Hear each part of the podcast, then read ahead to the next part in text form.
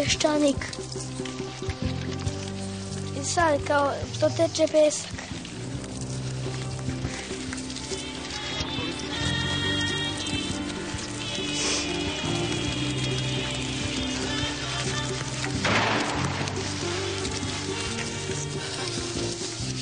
Živećemo, radit ćeš ko rob. Bićemo robovi.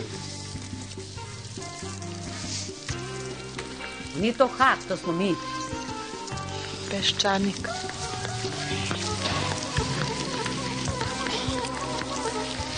Dobro, koliko ima staža ti pa kad si Ja imam 15 godina radnog staža, počeo sam da radim sa 18 godina. A, ma, nisam se ja naradio, ja hoću i dalje da radim, ali mi ne dozvoljavaju da Ne dozvoljavaju mi da radim. Pazi, mi pričamo o radu, ali imamo šta da radimo. Ajde da postavimo pitanje šta da radimo. Ja sam šest sati puta do Banja Luke gledala u pod od autobusa. Nisam više mogla da podnesem da gledam srušenu, spaljenu, izrešetanu. Srušenu, spaljenu, izrešetanu. Peščanik. Možda Đinđi stomaći šta je. Trči, skači, plivaj. I slušajte emisiju Bože, on hoće da mi rintamo od jutra do sutra. Je on lud? Ovde je moja zemlja koju da napustim nikad neću. Znači u ovom referendumu, kad smo ti trebali da odlučimo da će dođe Felipe Gonzalez i još dva neka pedera španca, 5 miliona 300 hiljada ljudi je došlo da kaže ko vas jebe. Gde je nestalo tih 5 miliona 300 hiljada ljudi danas? 5 miliona vratno ušlo u DSS i zaboravilo automatski da ikada pripadao bilo čemu ne u Koštonici. Pošto ja izuzetno cenim gospodina Đelića, Srušćak veliki radi za nas danonoćno, gospodin Lavus, Pitić, Vlahović, Matković, kao ova fina žena, lepa žena, lepo rade. E, ako vidim da su oni rekli da su spakovali kufere, onda znači da sad za dugo vreme smo pali opet neki ambis. Vidjet ćemo koji. S ljubavlju i mučninom. Tako mislim o Srbiji, s ljubavlju i mučninom.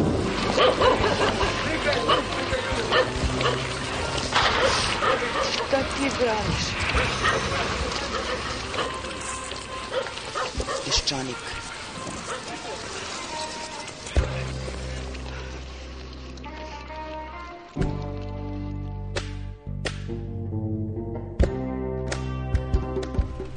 Dobar dan, poštovani slušalci. Nekoliko hiljada Britanaca je u ispitivanju javnog mnjenja koje se sprovodi inače pred svaki popis stanovništva u rubrici Verska pripadnost napisalo Vitez Jedi. Pošto je broj Britanaca koji dele religiozna osjećanja Viteza iz Rata zvezda iz Lukasovog filma premašio cenzus, Nacionalni biro za statistiku je saopštio da će Vitez Jedi na sledećem popisu stanovništva dobiti svoj kod i nas čeka ubrzo popis stanovništva. Eto, mi bismo mogli da uvedemo kao nover ispovest Vitez Radovan. Hiljade navijača Zvezdi Partizana su u nedeljnom derbiju, kao i obično, besomučno vređali jedni druge, a jedino što ih je spajalo jesu nove bele majice sa likom Karadžića i Mladića, koje se ponosom nose, dakle, i Delije i Grobari. Na tribinama se orila i jedna nova pesma, Delije, ajmo svi u glas, Radovan navija za nas. To su šale male prema rečima ljubavi i poštovanja koje su danas izgovorili ljudi iz Međunarodnog odbora za istinu o Radovanu Karadžiću održanom u Međunarodnom prescentru. Na jednom mestu bili su Momo Kapor, Gojko Đogo, Kosta Čavoški, Rajko Petro Mnogo i naravno Bata Luka Karadžić. Ovi čuvari iz Svetog Grala podelili su nam kalendare sa Karadžićevim likom, promovisali web sajt na kome su iznali istinu o svom vitezu Radovanu. Slušate najpre predsjednika Međunarodnog odbora za istinu o Radovanu Karadžiću, Kostu Čavoškog.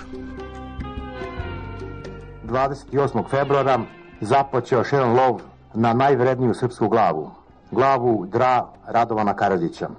Usledio je helikopterski desant do zuba nauženih pripadnika svora. Oni su provaljivali u tuđe kuće, mesnu školu, pa čak i pravoslavnu crkvu, koristeći eksploziv, specijalne puške, motornu testeru, i teške čekiće. Decu od osam godina uzimali su za taoce. To naravno mogu samo silnici i razbojnici. U nadi da dra Radovna Karadžića, dok je poštenih i časnih ljudi oko njega, niko i nikada neće uhapsiti, a da se ni on sam, ako se i nađe neki Branković, neće živi predati, treba na posledku objasniti zašto ga njegovi progonitelji stoliko upornosti traže.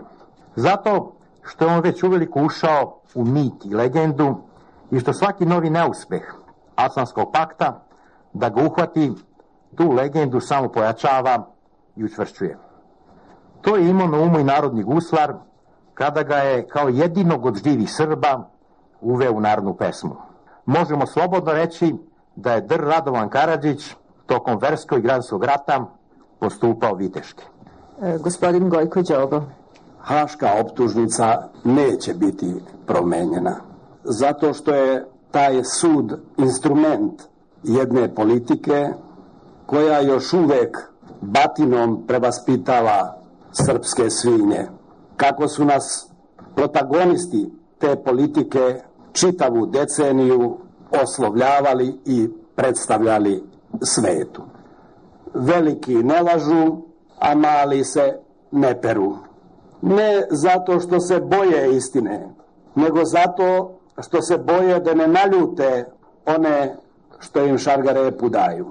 Takvo je naše stanje ukratko na današnji dne. Gospodin Momo Kapor, član Međunarodnog odbora za istinu Radovanu Karadžiću. Izvolite.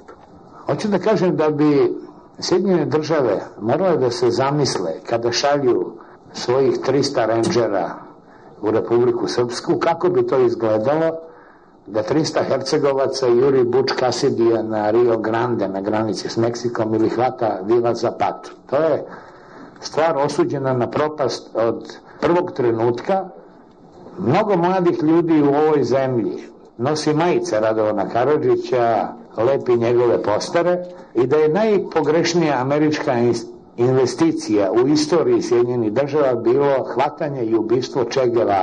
Jer je Che Guevara danas prisutan u sobama 15-godišnjaka kao poster, a da uopšte ne znaju zbog čega se on borio, šta je bio i kako je ubijen. Oni samo znaju da su ga ubili Amerikanci.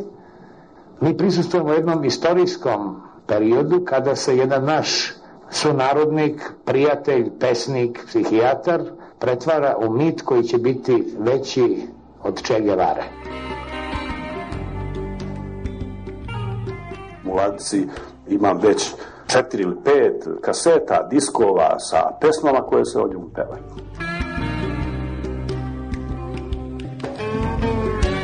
Banane se ne mogu na Romaniji primiti. Hvatati Radovana Karadžića to je kao da hvatate vetar šlemom. Hvatati legendu to je apsolutno nemoguće.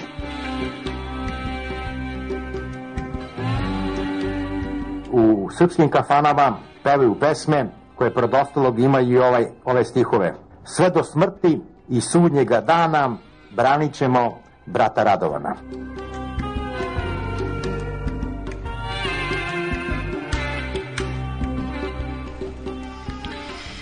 A, predsednik i premijer su nam se učutili poslednjeg dana. Predsednik se i dalje pita da li da žrtvujem svoju ličnost otačbini. Ako se ne pita, onda je to zbog toga što je još uvijek u šoku, što mu je neko prošle nedelje bacio bombu na sedište stranke, to jest na ognjište, dom, otočište, što mu je neko oskrnavio iskru plamena oko koga mu se čelja, čelja da okupljaju. A premijer je takođe poslednjeg dana delio šamare redom, Haškom sudu, Međunarodnoj zajednici, Željko Mitroviću, Čedi Čupiću, sudi Ustavnog suda Slobodanom Vučetiću, premijer se eto ponekad previše uživi u sliku o sebi kao srpskom Aleksandru Makedonskom, čija su snaga, plahovitost i neobuzdanost tako snažne da mogu i da će ukrotiti i planine i prašume. Jedan od ljudi, od političara koji je sve vreme vodio računa o tome šta priča i kad priča i gde priča je Nebojša Čović. E, nešto se izgleda juče promenilo. Uh, on je naime e, na jučerašnjoj konferenciji za štampu rekao da je Bajram Redžepi, inače novi premijer Kosova s kojim će u buduće morati veoma tesno da sarađuje, da e, postoje neke indicije da je dakle Bajram Redžepi učestvovao u ubistvu dva vojnika Jugoslovenske armije na početku bombardovanja. Danas je održao konferenciju za štampu general policije Svetislav Đurđević, koji inače takođe član koordinacijnog centra za Kosovo, I evo, bit će zanimljivo da čujete kakve dokaze imaju da je Bajram Redžepi ni manje ni više nego ocekao glavu jednom vojniku, a takođe odgovara na pitanje naše kolega Danila Bukumirovića, ako su to znali, zašto to tek sada govore. Događaj se desio 35.99. godine u selu Vaganica, to je, to je pravac prema Srbici od Kosovske Mitrovice, gde je prema onome, kažem što mi imamo sada iz izveštaja, jedna izviđačka grupa jedne od jedinica Vojske Jugoslavije upala u zasedu i sutra dan na mestu tog sukoba je pronađen vojnik Miodrag Stanković koji je poginuo neposredno kasnije konstatovano obdukcijom i vojnik Ivan Milošević koji je nađen bez glave. Ono što se takođe zna, što je utvrđeno kasnije obdukcijom, da je tom vojniku Ivanu Miloševiću glava vrlo precizno, da ne kažemo stručno, odsečena i iz nekih izveštaja, a koji se još prikupljaju, jedan broj lica sa kojima je obavljan razgovor od strane vojnih istražnih organa, a delom i policije, je izjavio da je jedini lekar koji je albanac na tom prostoru bio u to vreme, to je doktor Bajram Redžepi, koji je inače hirurg po specijalnosti, a za koga se inače zna iz naših dosija da je od prvih dana bio član UČK. Kako je moguće da koordinacijni centar, vi i gospodin Čović, izlazite sa ovom pričom o Bajramu Redžepiju tri godine posle, pogotovo ako znamo da je Bajram Redžepi bio sagovornik Srba u Kosovskoj Mitrovici jedan dobar period i kada je bio gradonačelnik južnog dela Kosovske Mitrovice. Kako je moguće da se tek sada, dan posle njegovog postavljenja na mesto premijera Kosovske vlade, izlazi sa ovim podacima? Za veliki broj lica, aktera događaja na Kosovo i Metohiji postoje dosija koji su obrađeni ili se obrađuju i dostavljaju nadležnim pravosudnim institucijama, a mi to ne objavljujemo. Objavljuje se nešto kada je u fazi krivičnog postupka, suđenja ili posle presuđenja. Tako da, ovaj, iako smo znali neke stvari, e, a ovo je sada vrlo karakteristična situacija, kao što znate. Prema tome, neko ko se bira za premijera vlade Kosova i Metohije, da nije sada izabran za premijera, možda ne bi ni ovog momenta izašao svojim podacima. Ali ti podaci, naravno, stvar da bi bili u datom momentu, odnosno oni su već u opticaju za ono što je potrebno. Bilo bi strašno, bilo bi horor da je, uh, ako je istina da je uh, doktor Redžepi uradio to, zašto ga sumičemo uh, na neki način general policije Svetislav Đurđevića, ali bi isto tako bilo strašno ukoliko su samo ovo dokazi, odnosno da je dokaz to što se to desilo na tom mestu i što postoje indicije da on bio jedini lekar u okolini koji je bio sposoban da to uradi, kao da se nismo naučili ovih deset godina, koliko je ljudi u ovoj zemlji sposobno da drugima odseče glavu. A teške reči su pale a, ovih dana, a duše ne možda tako teški kao ova priča koju smo sada čuli, jeste a, i ova polemika koja se a, vodi posljednje vreme o Pinku, odnosno njenom vlasniku, ekstra profitu i sličnim stvarima. Međutim, to je pokrenulo neki, neka druga pitanja. Pomenula sam malo pre primjera Đinđića koji je lupao čvrge okolo i jedan od onih koji su popili čvrgu jeste i sudija a, Ustavnog suda Slobodan Vučetić.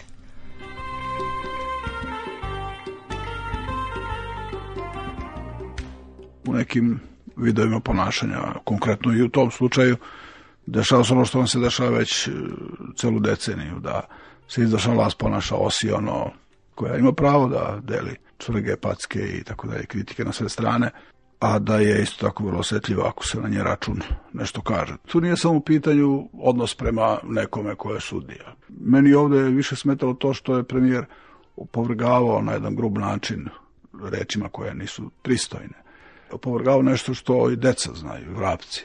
U ovom društvu se zaista će biti izvršena legalizacija tog prljavog kapitala.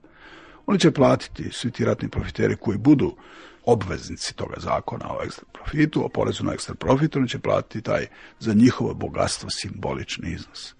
I ostaće bogataši u svetskim razmerama bogataši i oni će svoj kapital uložiti u širenje jačanje svog bogatstva, a čitavo njihovo bogatstvo je prljavo. To što su oni platili 5% ili 10% od svog poreza, od svog bogatstva, ne znači da su time stekli legitimaciju uglednog, poštenog privrednika. Oni će faktički na osnovu tih prljavi para steći status, faktički steći status elite, iako one nisu nikakve elite, skoro niko od njih, ni u kakvom smislu, ni u intelektualnom, ni u moralnom, ni u poslovnom. Tako da je to nešto što je notorna stvar. Jedino što je, što je mogla biti neka pravedna mera društva, to je neka vrsta nacionalizacije te imovine, ali tu se naravno susrećemo i sa pravnim problemima. Verovatno je moglo i trebalo ići sa oštrim stopama poreza na ekstra profit. I mislim da je to, da je to moglo u većoj meri da se zaoštri i proširi. Kada se otvore razne linije za davanje kredita, za male i srednja preduzeća, a za davanje kredita biće potrebno dati garancije u vidu nepokretne ili druge imovine, Zna se ko će moći dati garanciju od 100.000 ili od, od milion dolara, od 5 miliona dolara da bi dobio kredit. Pet puta veći kredit. Moći da daju samo ratni profiteri, špekulanti, opečeni bogataši. Izvršna vlast, objektivno govoreći, ima najteže zadatke koje mora da rešava u hodu svakodnevno. Nova vlast je nasledila jednu katastrofu Pretpostavljam da, da se izvršna vlast nalazi u nekom stalnom stresu, da se tako izrazim. Ja zaista mislim da je to tako i naravno oni moraju znati u svakom trenutku da moraju delovati u okviru postojećeg sistema, u okviru nekih pravila igre, jer e, najgore varijanta je ne poštovati pravila igre, a to se povremeno ovde dešava. Izvršna vlast mora biti podvrgnuta redovno i relativno efikasnoj kontroli. Međutim, mi sada imamo u Skupštini jednu situaciju, u Skupštini Srbije, Tu se vode pravi mali ratovi, lični, međupartijski. Tu recimo premijer Đinđić osporava da postoje sukobi, što je naravno besmislica, kako bi on rekao inače u svojim polemičkim polemičkom zanosu, to je jedna čista besmislica što on izjavio skoro. Postoje tu celi ratovi. Tako da, da se događalo na sednici odbora za pravosuđe da se bukvalno vrši jedan tako posao, da se tako izrazim u smislu u smislu ja ću podržati tvog kandidata, mislim na drugu stranku ako ti podržiš mog kandidata i i odstupalo se često posljednje vreme od predloga koje su međusobno uspešno saglasili Ministarstvo pravde, na primjer i sudovi. I onda, s druge strane, dolazi naravno i do toga da konkretno vlada ili uopšte izvršna vlast u želji da probleme reši što pre, suočena sa obstrukcijom koju ima u Skupštini, pre svega obstrukcijom od strane dela DOS-a, ima veliki teškoća da, da se neka pitanja, pre svega iz oblasti ekonomije, regulišu brzo, kvalitetno, efikasno i da se neki problemi tako rešavaju pa povremeno pribjegava i nekim prečicama donošenja uredbi i onda se postavi pitanje zašto, na primjer, nema Ustavnog suda 12 meseci kako Ustavni sud Srbije nema kvorum. Ima samo tri sudije od devet po Ustavu. Da bi odlučivao, da bi zasedao i da bi odlučivao, potrebno je najmanje imati pet sudija, odnosno pet glasova. Ako ne funkcioniše Ustavni sud, onda se ne može vršiti kontrola ustavnosti i zakonitosti. Kontrola ustavnosti zakona, kontrola ustavnosti i zakonitosti vladinih uredbi i svih drugih propisa. To ne može niko drugi činiti, osim Ustavni sud. A ako on to ne čini, šta se dešava? Pa jednostavno dešava se da se, da se ta situacija odvija spontano. Sve se više formira uverenje, bar u krugovima u kojima se ja krećem, da da nije reč o razlozima koji potiču od tuda što nema dovoljno sposobnih kandidata za Ustavni sud ili što možda nekim ljudima taj posao nije zanimljiv, već se sve više smatra da jednostavno aktualna vlast e, i ne želi tu vrstu kontrole, bar za izvesno vreme, dok ne obavi svoj posao po znacima navoda. U stvari, plaše se da im ne smetate. To bi se moglo i tako zaključiti. Ja mislim da ima tu nečega, izvršna vlast jednostavno pokušava da sebe stvori bar za vreme jedan čist prostor, kome nema nikakvih smetnji ili nema nekih bitnih smetnji za donošenje ovakvog ili onakvog propisa, ovakve ili onakve odluke, dovoljno je da obezbedi minimalnu skupštinsku većinu i da preko medija koje inače dosta uspešno kontroliše tu politiku i te odluke opravda i prikaže ih kao najbolje u tom trenutku.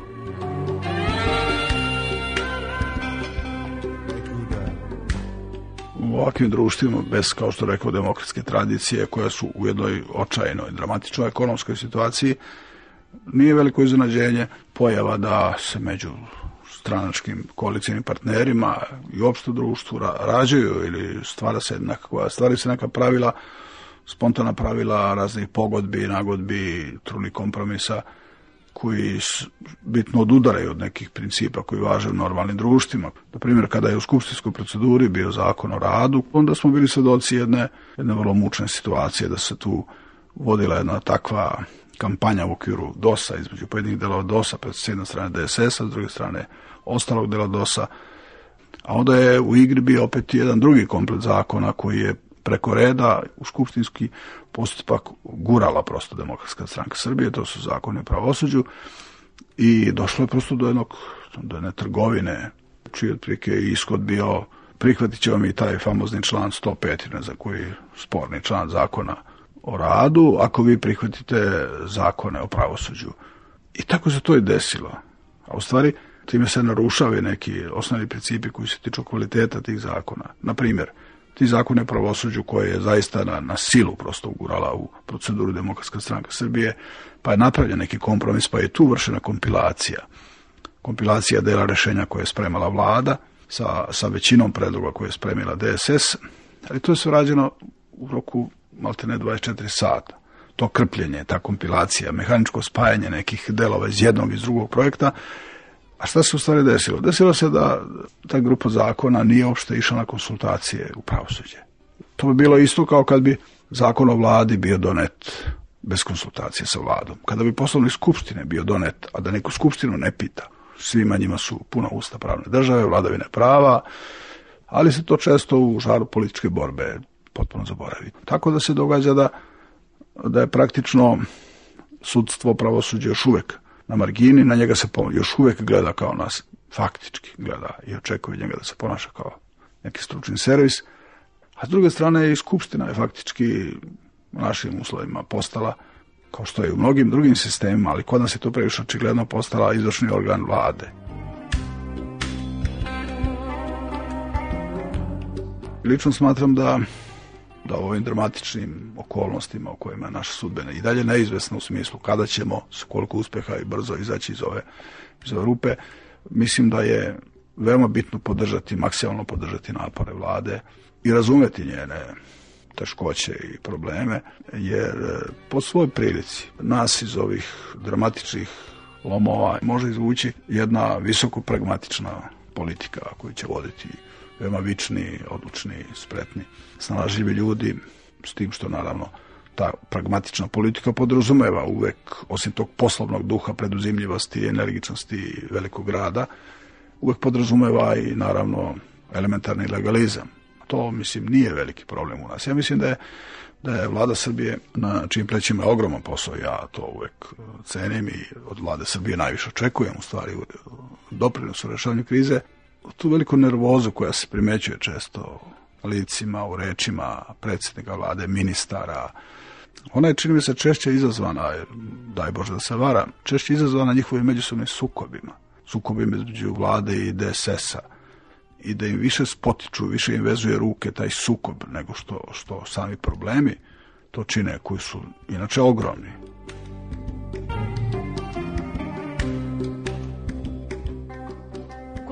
Vašem mišljenju DSS nije bio dovoljno konstruktivan kad je u pitanju donoš, donošenje tih zakona? Pa ja ne sumnjam, ne sumnjam u to da oni imaju dobre namere da, da doprinesu reformama, doduše na način kako ih oni vide.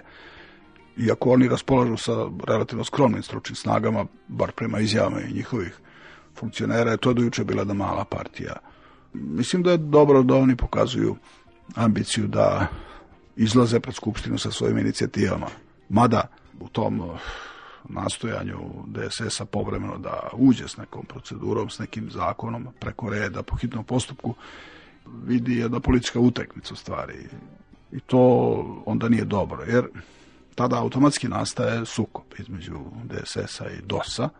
Primjera radi, DSS je pre 3-4 meseca, možda i više, izašla sa inicijativom da se u Skupštini Srbije donese zakon i pripremile model zakona o saradnje sa Haškim tribunalom, što je za mene lično bila senzacija. Prosto zato što takav zakon koji podrazumeva ako podrazumeva izručenje, a to je ključna stvar u saradnji s Haškim tribunalom, ne može biti donet u Skupštini Srbije. Oni bi to morali znati, jer su, kako oni sami kažu, legalisti. To je moderno i lepo čuti.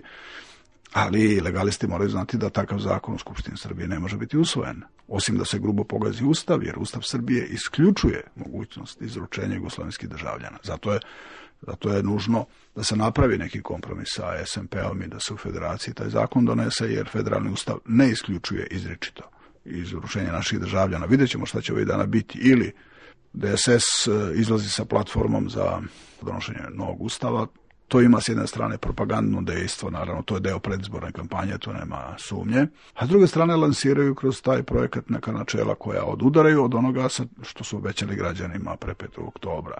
Oni tu predlažu opet zadržavanje polupredsedničkog sistema, samo na jedan drugi način. Iako je do juče bio jedinstveni stav u DOS-u da treba ukinuti sadašnji, slažem se s tim, sadašnji polupredsednički ili predsedničko-parlamentarni sistem ili parlamentarno-predsednički, ići na uvođenje čistog klasičnog parlamentarnog sistema u kome bi predsednika Srbije birala Skupština i čija bi funkcija bila reprezentativna, predsednik koga biraju građani je manje više neuhvatljiv u pogledu odgovornosti, Na kraju krajeva to vidimo i u ponašanju predsednika Jugoslavije. On u mnogo čemu i sada zamenjuje spoljnoj politici i tako dalje, zamenjuje saveznu vladu.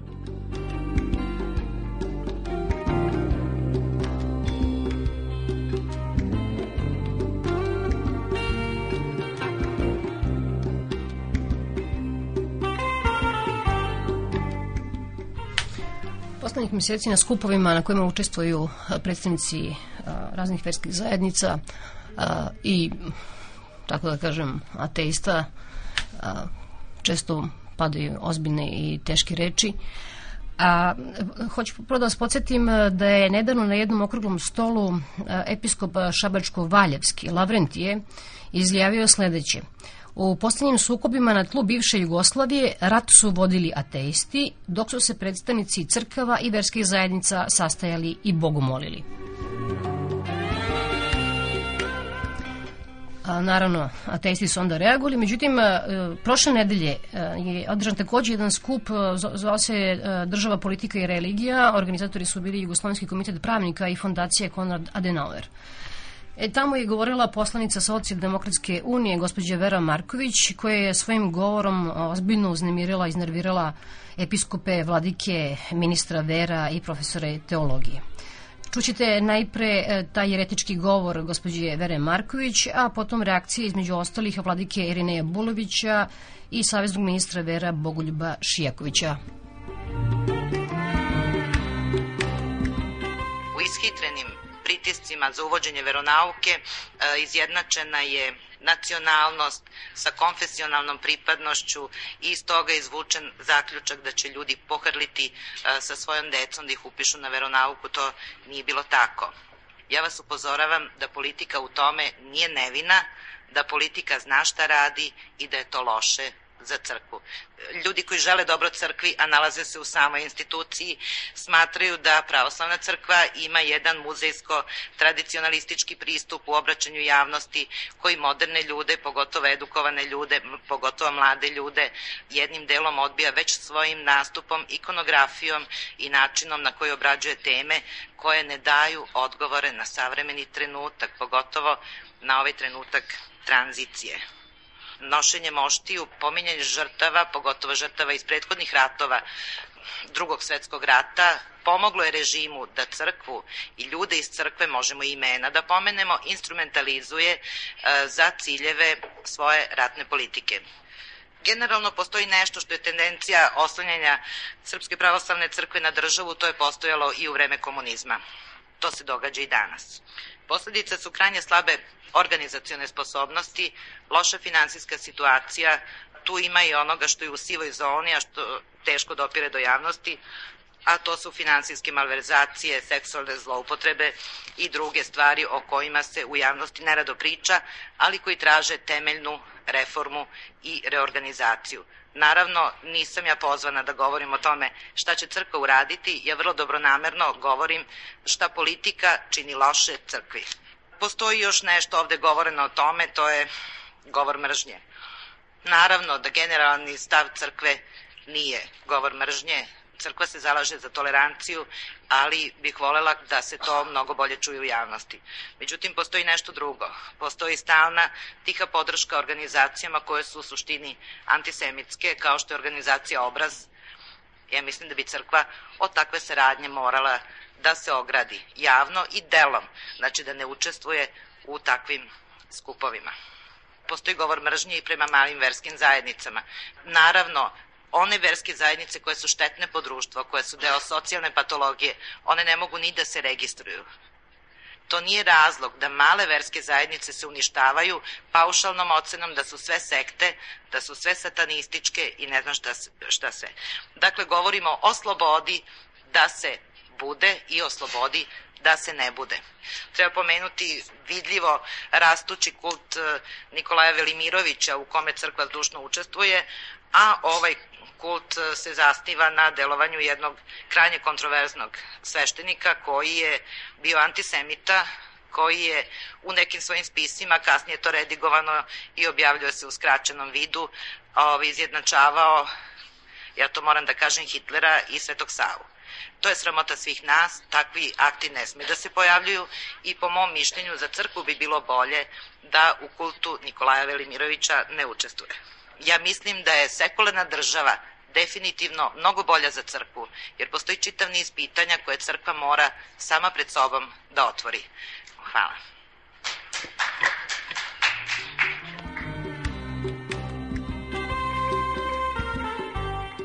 Pravo je, gospođe, da govori političarima su licemerni. Ja mislim da je i ovo izlaganje klasični primer političkog licemerja i etiketiranja bez ikakve osnove i ulaženja u probleme za koje ni dotična gospođa ni njena partija nikada neće biti nadležni. Ja sam član Svetog sinoda Srpske pravoslavne crkve i u tom svojstvu imam pravo da kažem u ovom trenutku da ni jedna od ovih teza ne odgovara istini i sa indignacijom kao član Svetog sinoda Svetog crkve odbijam sve ove kvalifikacije koje su ovde čule. Smatram ovo klasičnom zloupotrebom javne katedre, javne tribine za sprovođenje određenih ideoloških zadataka ili partijskih zadataka. Hvala.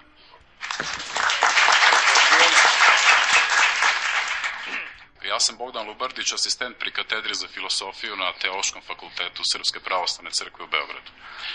Mjama je sugerisano da crkva kao crkva treba da je posebna jedna institucija gde je religioznost isto ono što je bilo gde drugde, te da je crkva partikularan nivo i moment u odnosu na univerzalizam religioznog. Imanentno religioznosti, ili pre bih volao da kažem duhovnom životu, je pripadnost crkvi kao ustanovi, ne samo u formalnom smislu, već i u smislu njenog evharistijskog i ontološkog bića. Mi smo ovde došli da razgovaramo i da otvaramo pitanja, ne da kvalifikujemo. U ovom celom prethodnom izlaganju, prepodnevnom izlaganju, ja sam videla samo jednu jedinu kvalifikaciju koja je bila upućena protiv jedne žene, pre svega članice parlamenta, koja je okvalifikovana da daje paušalne ocene, iako se bavi naučnim radom, koja je okvalifikovana da daje kvazi psihološko-političke ocene i koja je optužena da zloupotrebljava ovaj skup, samo zato što je dala suprotno mišljenje. Ja se izvinjavam, ali to je zaista u ime tolerancije i u ime zaštite manjine, a mi smo ovde očigledno manjina koji promišljamo neke stvari na drugi način, ja smatram da ovo treba da se u popodnevnoj diskusiji izbegne na svaki mogući način. Znači, kvalifikacija ni jedne vrste ovde više neće biti dopuštena. Govoriti o tome da postoje u crkvi podijeljena i različita mišljenja, to nije ništa novo, to crkva zna od kad postoji. I hvala Bogu da u crkvi ljudi misle različito i da misle svojom glavom. Naravno, postoje stvari koje, o kojima se u crkvi ili u nekoj vjerskoj zajednici ne može misliti ovako ili onako, jer su one utvrđene kao identitet te vjerske zajednice. Hrišćanskim crkvama prigovarati da insistiraju na žrtvi, pa ja ne znam kako odrediti, kako to objasniti kad hrišćanska vjera počiva na žrtvi. Počiva na Hristovoj iskupiteljskoj žrtvi. Mi bismo, dakle, tom logikom mogli ovdje da govorimo kako nam se ne dopada Pitagorina teorema. i kako smo nezadovoljni time što je ona upravo takva da je kvadrat nad hipotenuzom jednak zbiru kvadrata nad katetama. Ali zaludu. Neće se osno organizovati skup matematičara koji će raspravljati o nekom novom predlogu Pitagorine teoreme. Neke stvari jednostavno moramo znati. Kao što moramo znati da je vjeronauka pravo.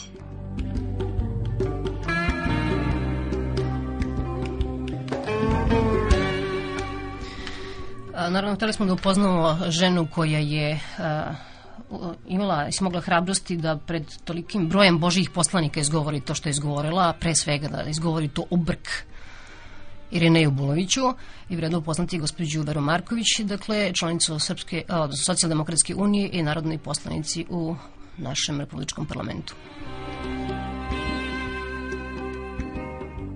nisu bili spremni baš da čuju drugačije mišljenje. Verovatno da nisu ni očekivali jer čitava prepodne je bila iznošena samo jedna teza.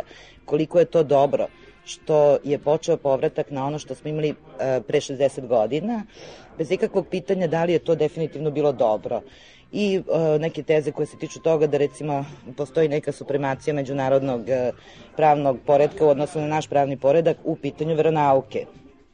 E sad naravno da kad iznesete kao protiv tezu da iz e, upravo tih krugova, dakle crkveno-tradicionalističkih, dolazi otpor supremaciji međunarodnog prava kad je Haški tribunal u pitanju, onda dobijete eksploziju neodobravanja I mislim da su sedeli neki momci iz obraza, ja sam videla neko škrgutanje na toj strani, neku nervozu kod nekih mladih ljudi. Niko mi nije rekao da li je zaista crkva stala ili su to pojedinačno sveštenici stali iza toga, onda ove, iza tog kulta Nikolaja Velimirovića i organizacije Obraz i uopšte oko tih uh, antisemitskih priča. Međutim, niko nije odgovarao na to nego su govorili o antikomunizmu, mislim kao antikomunisti, što je potpuno smešno. Meni se čini da svako ko kad govori protiv nečega i stavlja drugome etiketu da je komunista, a govori sa pozicije antikomunizma, taj svesno i namerno ili nesvesno, što je mnogo teže za njega, želi da zabašuri prethodnih deset godina. Znači, to su ljudi koji ne žele da govore o nacionalizmu i o zlu.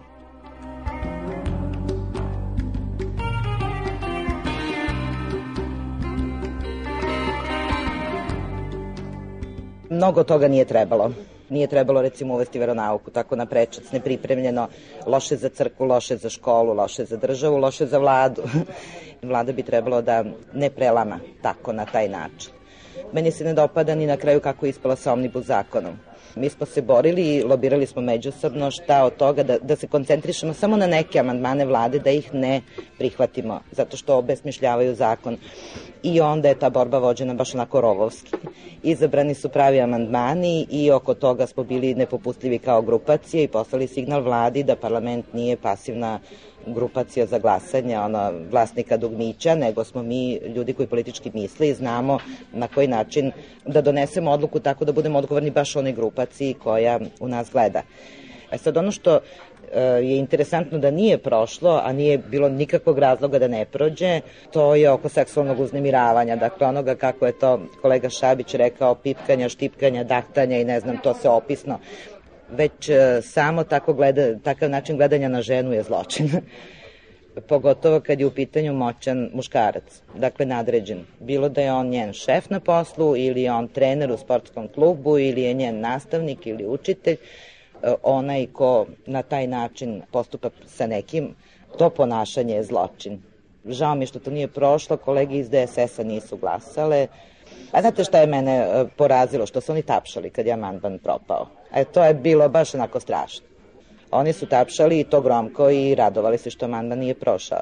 Međutim, to govori o klimi, znači jednoj ostrašćenosti. 1-0 za nas, a ne 1-0 za nasilnike. Definitivno to nije to. Ja mogu da se zakunem da niko od njih nije želeo da nasilnici prođu nekažnjeno. Nego to govori o lošoj atmosferi u Skupštini. Mislim, malo se zaboravlja šta mi radimo tu, otkud mi u Skupštini, ko smo mi, šta se tu zbiva i tako, to se malo zaboravlja. I mislim da to može da se osveti ne ovaj, pojedincima koji se ponašaju ovako ili onako, nego grupacijama i nažalost i idejama. Ideje malo mogu da budu potrošene na sledećim izborima.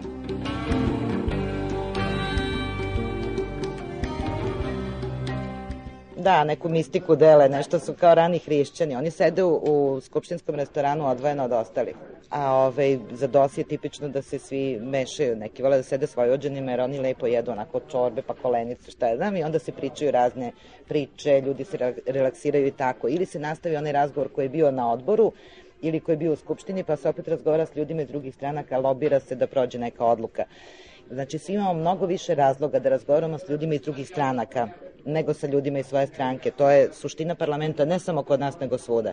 Oni sede odvojeno, to je onako, ja sedim neki put s njima, ja dođem posednem i tako i naravno niko mi ne kaže nemojte sesti sa mnom, nego imaju potrebu da budu zajedno, to je jedna takva vrsta stranačke discipline ili se ona tako shvata previše ozbiljno ili osjećaju da su u okruženju s jedne strane DOS-a, s druge strane opozicije i da je ta njihova delikatna strategija koja meni ne izgleda mnogo delikatna, da je ona ugrožena ukoliko se ne koncentrišu na stalno sprovođenje te delikatne strategije koju oni imaju. Ja mislim da su oni vrlo lepo postavili strategiju delovanja DSS. Oni podrškom koju imaju u javnosti i brojem članova, oni mogu da budu pandan DOS-u, međutim nisu dovoljno dinamični i onda ne uspevaju da isprate sve ono što su njihove želje.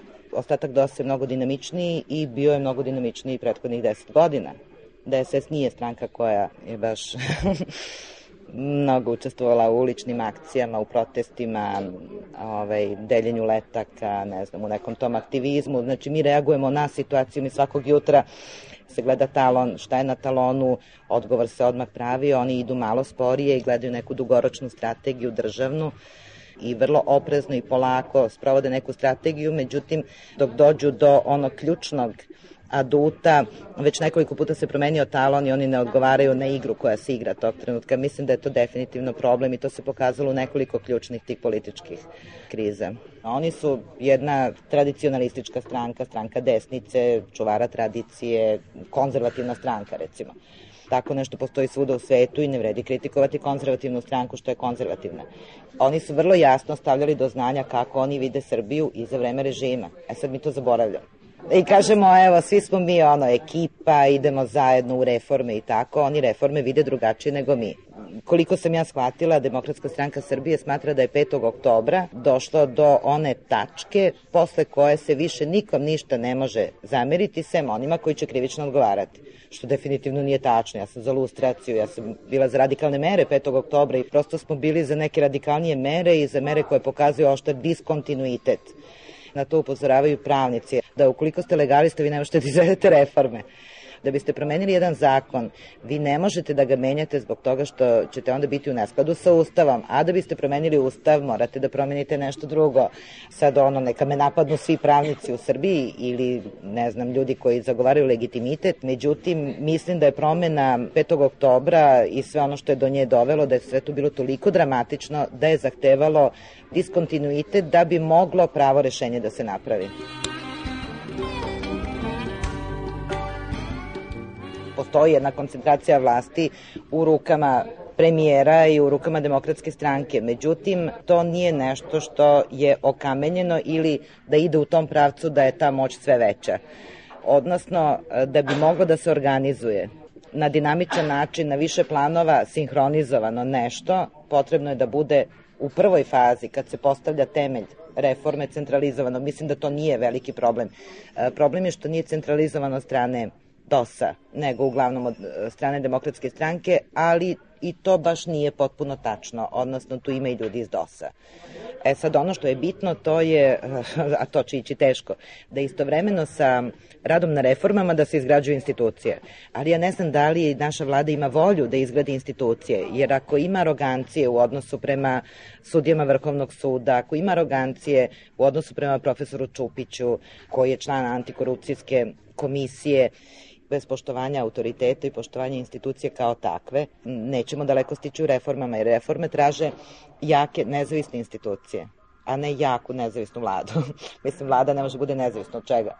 E sad, e, bez obzira na to da li će u nekoj instituciji, na čelu neke institucije biti neko ko je blizak demokratskoj stranci ili premijeru Đinđiću ili šta ja znam, sve to prestaje onog momenta kada on počne da poštoje instituciju i čoveka koji je na čelu institucije, onda više nema te sprege oko jakog premijera, što je definitivno bau koji kruži Srbijom. Ono, svi su ustrašeni od toga da će sad premijer sve ovo blago u Srbiji da pohara i ovaj, da će da ove firme kojima se prelivaju euri preko granica ovih kapija fabričkih i šta znam da će on sve to da opljačka.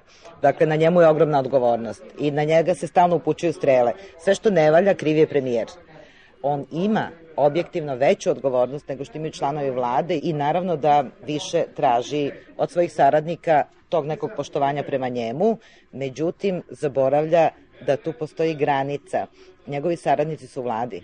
Znači, već u parlamentu nisu njegovi saradnici. Mi radimo na istim stvarima, mi smo partneri mogu da mu budu partneri ako ih poštuje.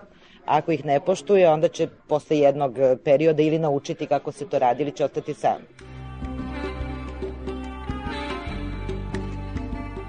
E sad, to je interesantno oko tog suđenja, kako ljudi očekuju da će da vide nekog drugog. Oni su zaboravili da je to u stvari jedan užasan monstrum, koji upravo te stvari radi fantastično, inače ne bi ostao na vlasti 12 godina. 13. Svima izgleda posle 5. oktobra kao ovako smo ga, kao puckanje prstom, tako smo ga skinuli, što uopšte nije tačno. To je bila vrlo teška borba, to su bila ogromna odricanja, to znaju ljudi koji su u tome učestvovali. Da je to bilo užasno teško i da je bilo mnogo rizika, da je bilo mnogo patnje.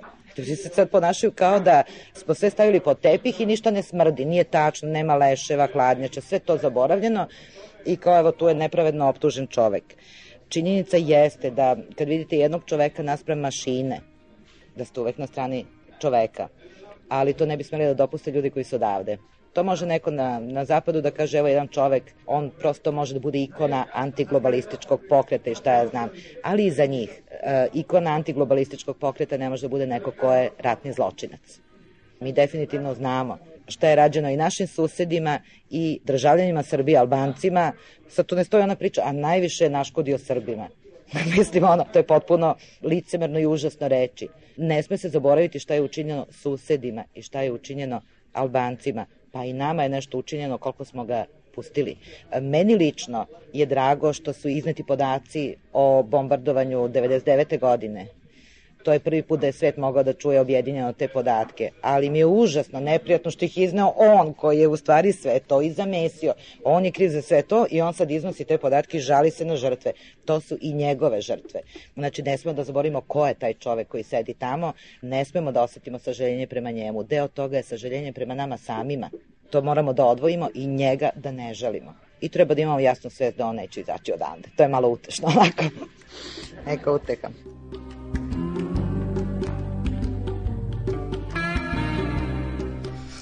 A za ove mladići devojke koje ćete čuti, svi smo mi pase, svi smo mi ljudi starog doba, a ovo su deca novog doba, to su post-pesimisti Beograda, oni imaju filijale a, po, na teritoriji cele bivše Jugoslavije, znači govorimo i o Prištini, govorimo o Ljubljani. Post-pesimista u Beogradu ima 40 a 15 ih je, kako oni kažu, permanentno, projektno, aktivno neka nova terminologija. Dakle, najprije ćete čuti postpesimiste Nenada Mirovića, a, Slobodana Simića, Dejana Vulina i Jelena Stefanović. A inače, možda ste videli da svake večeri, odnosno svake srede u Domu omladine oni organizuju tribine o, kako kažu, pretećim fenomenima kao što su globalizacija, transparentnost, tolerancija i u tim tribunim, tribinama učestvovali su između ostalih, a čućete ih glumica Sonja Savić, direktor muzeja savremene umetnosti Branislav Anđelković, onda ministar Lečić, Milja Vujanović, iz, odnosno Jovanović iz Otpora, moja koleginica Bojana Lekić i ministar Božidar Đelić. 93. je to bila ideja da se komunicira sa različitim, te se moralo odlaziti u inostranstvo da bi se susrelo sa ljudima koji su dolazili iz tada zaraćenih područja na te prve postpesimističke kampove, znači prvi je bio 93. i tada su postpesimisti dobili ime. Kamp je prvi bio u Austriji, tada su ljudi koji su se susreli tamo imali oko 15-16 godina. Pričaš na stranim jezicima, pričaš sa Albancima, dobiješ kiki bombone, ne preko veze, dobiješ direktno na ruke iz Zagreba ti donesu. I te tenzije prvih dana na kampovima, meni je bio kulturni šok, ono kao, šta Albanac, ja sam, ja, ja, sve što znam za Albance, to je iz tatinih priča, znaš, kao postoje dole na Kosovu, žive Albanci, ne znam kako izgleda Albanac, ne znam, svašta čuješ na medijima, ono, od ljudi na ulici i sad pojavi ti se čovjek koji izgleda identično kao ti, koji priča iste stvari kao i ti, koji sluša istu muziku kao ti, kao pa dobro, i šta je sad, zašto je ono band, šta je sad tu ima, važno. ja sam lično izgubio ono vremen i vremena pričajući ljudima, e, ali super je bio, e, ali nema priče, Hrvat, musliman, albanac, to su bre ljudi koji isto igraju košarku, igraju bolje od tebe košarku. Ne znam da li si rešio svoje stambeno pitanje. Mislim da nisi. Kakav si ti to konformista i kakav si ti to desničar dođavola?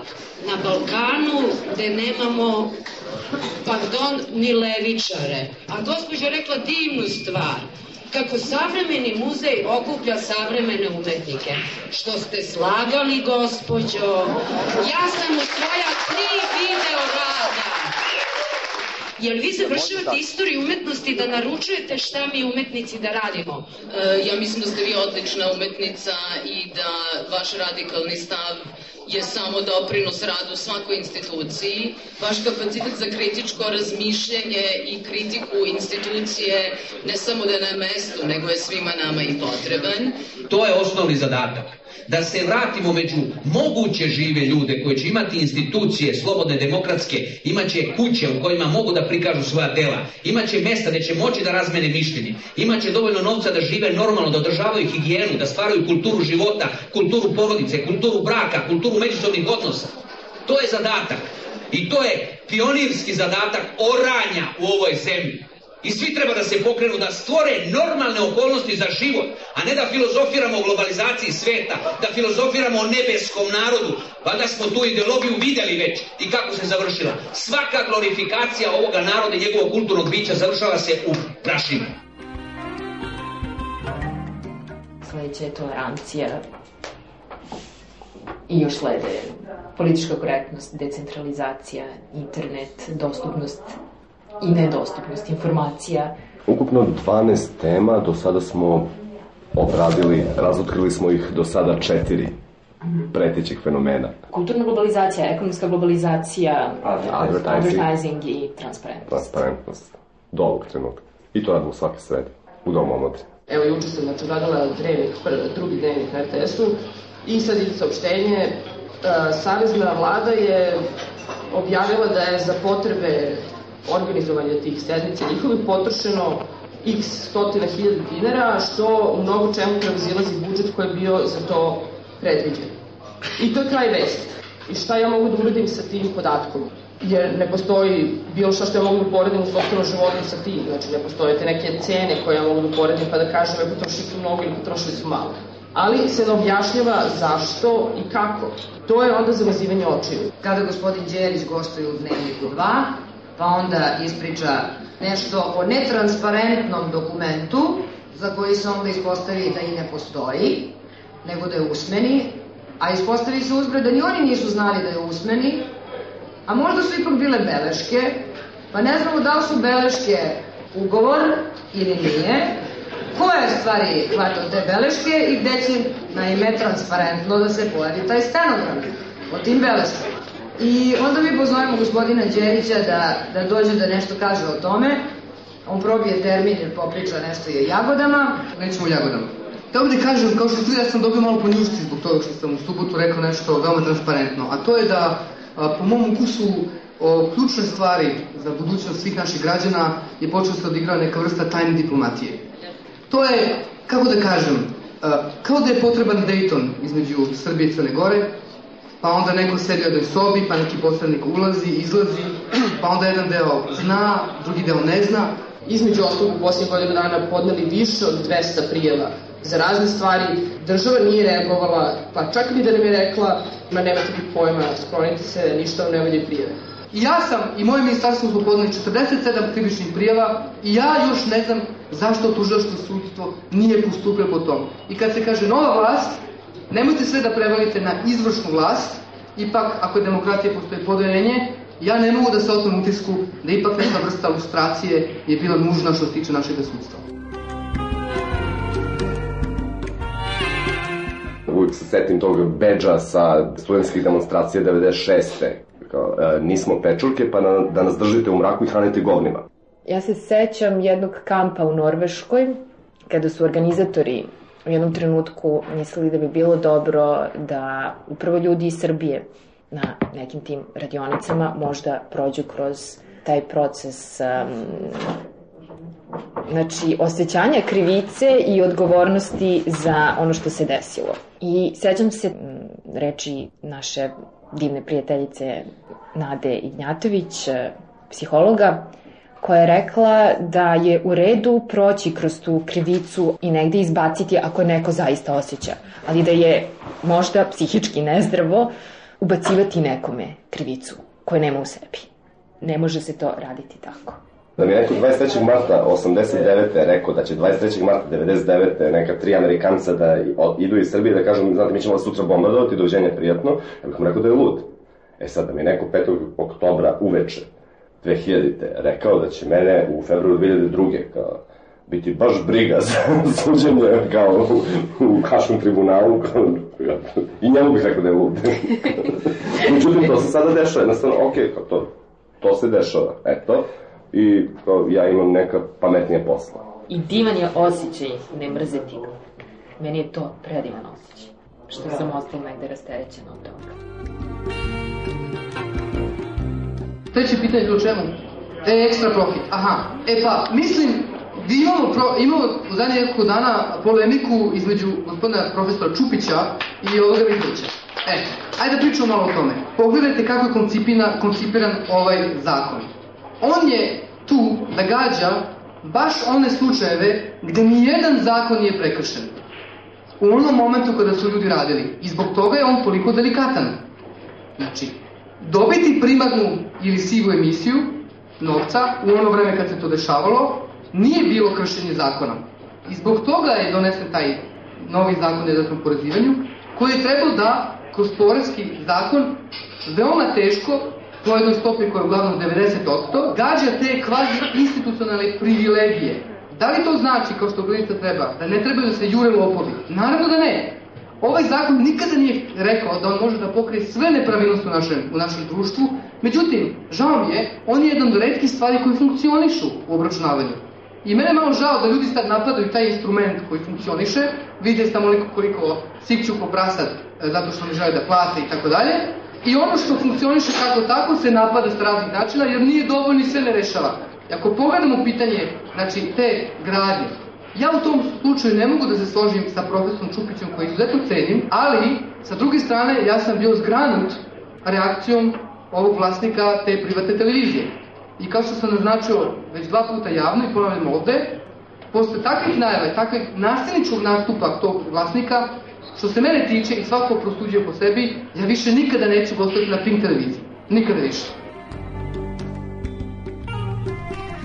Bilo je emisija Peščanik, montaža Nenad Branković, realizacija Ratko Ristić, emisiju pripremili Svetlana Vuković i Svetlana Komukić. Hvala vam što ste slušali Peščanik.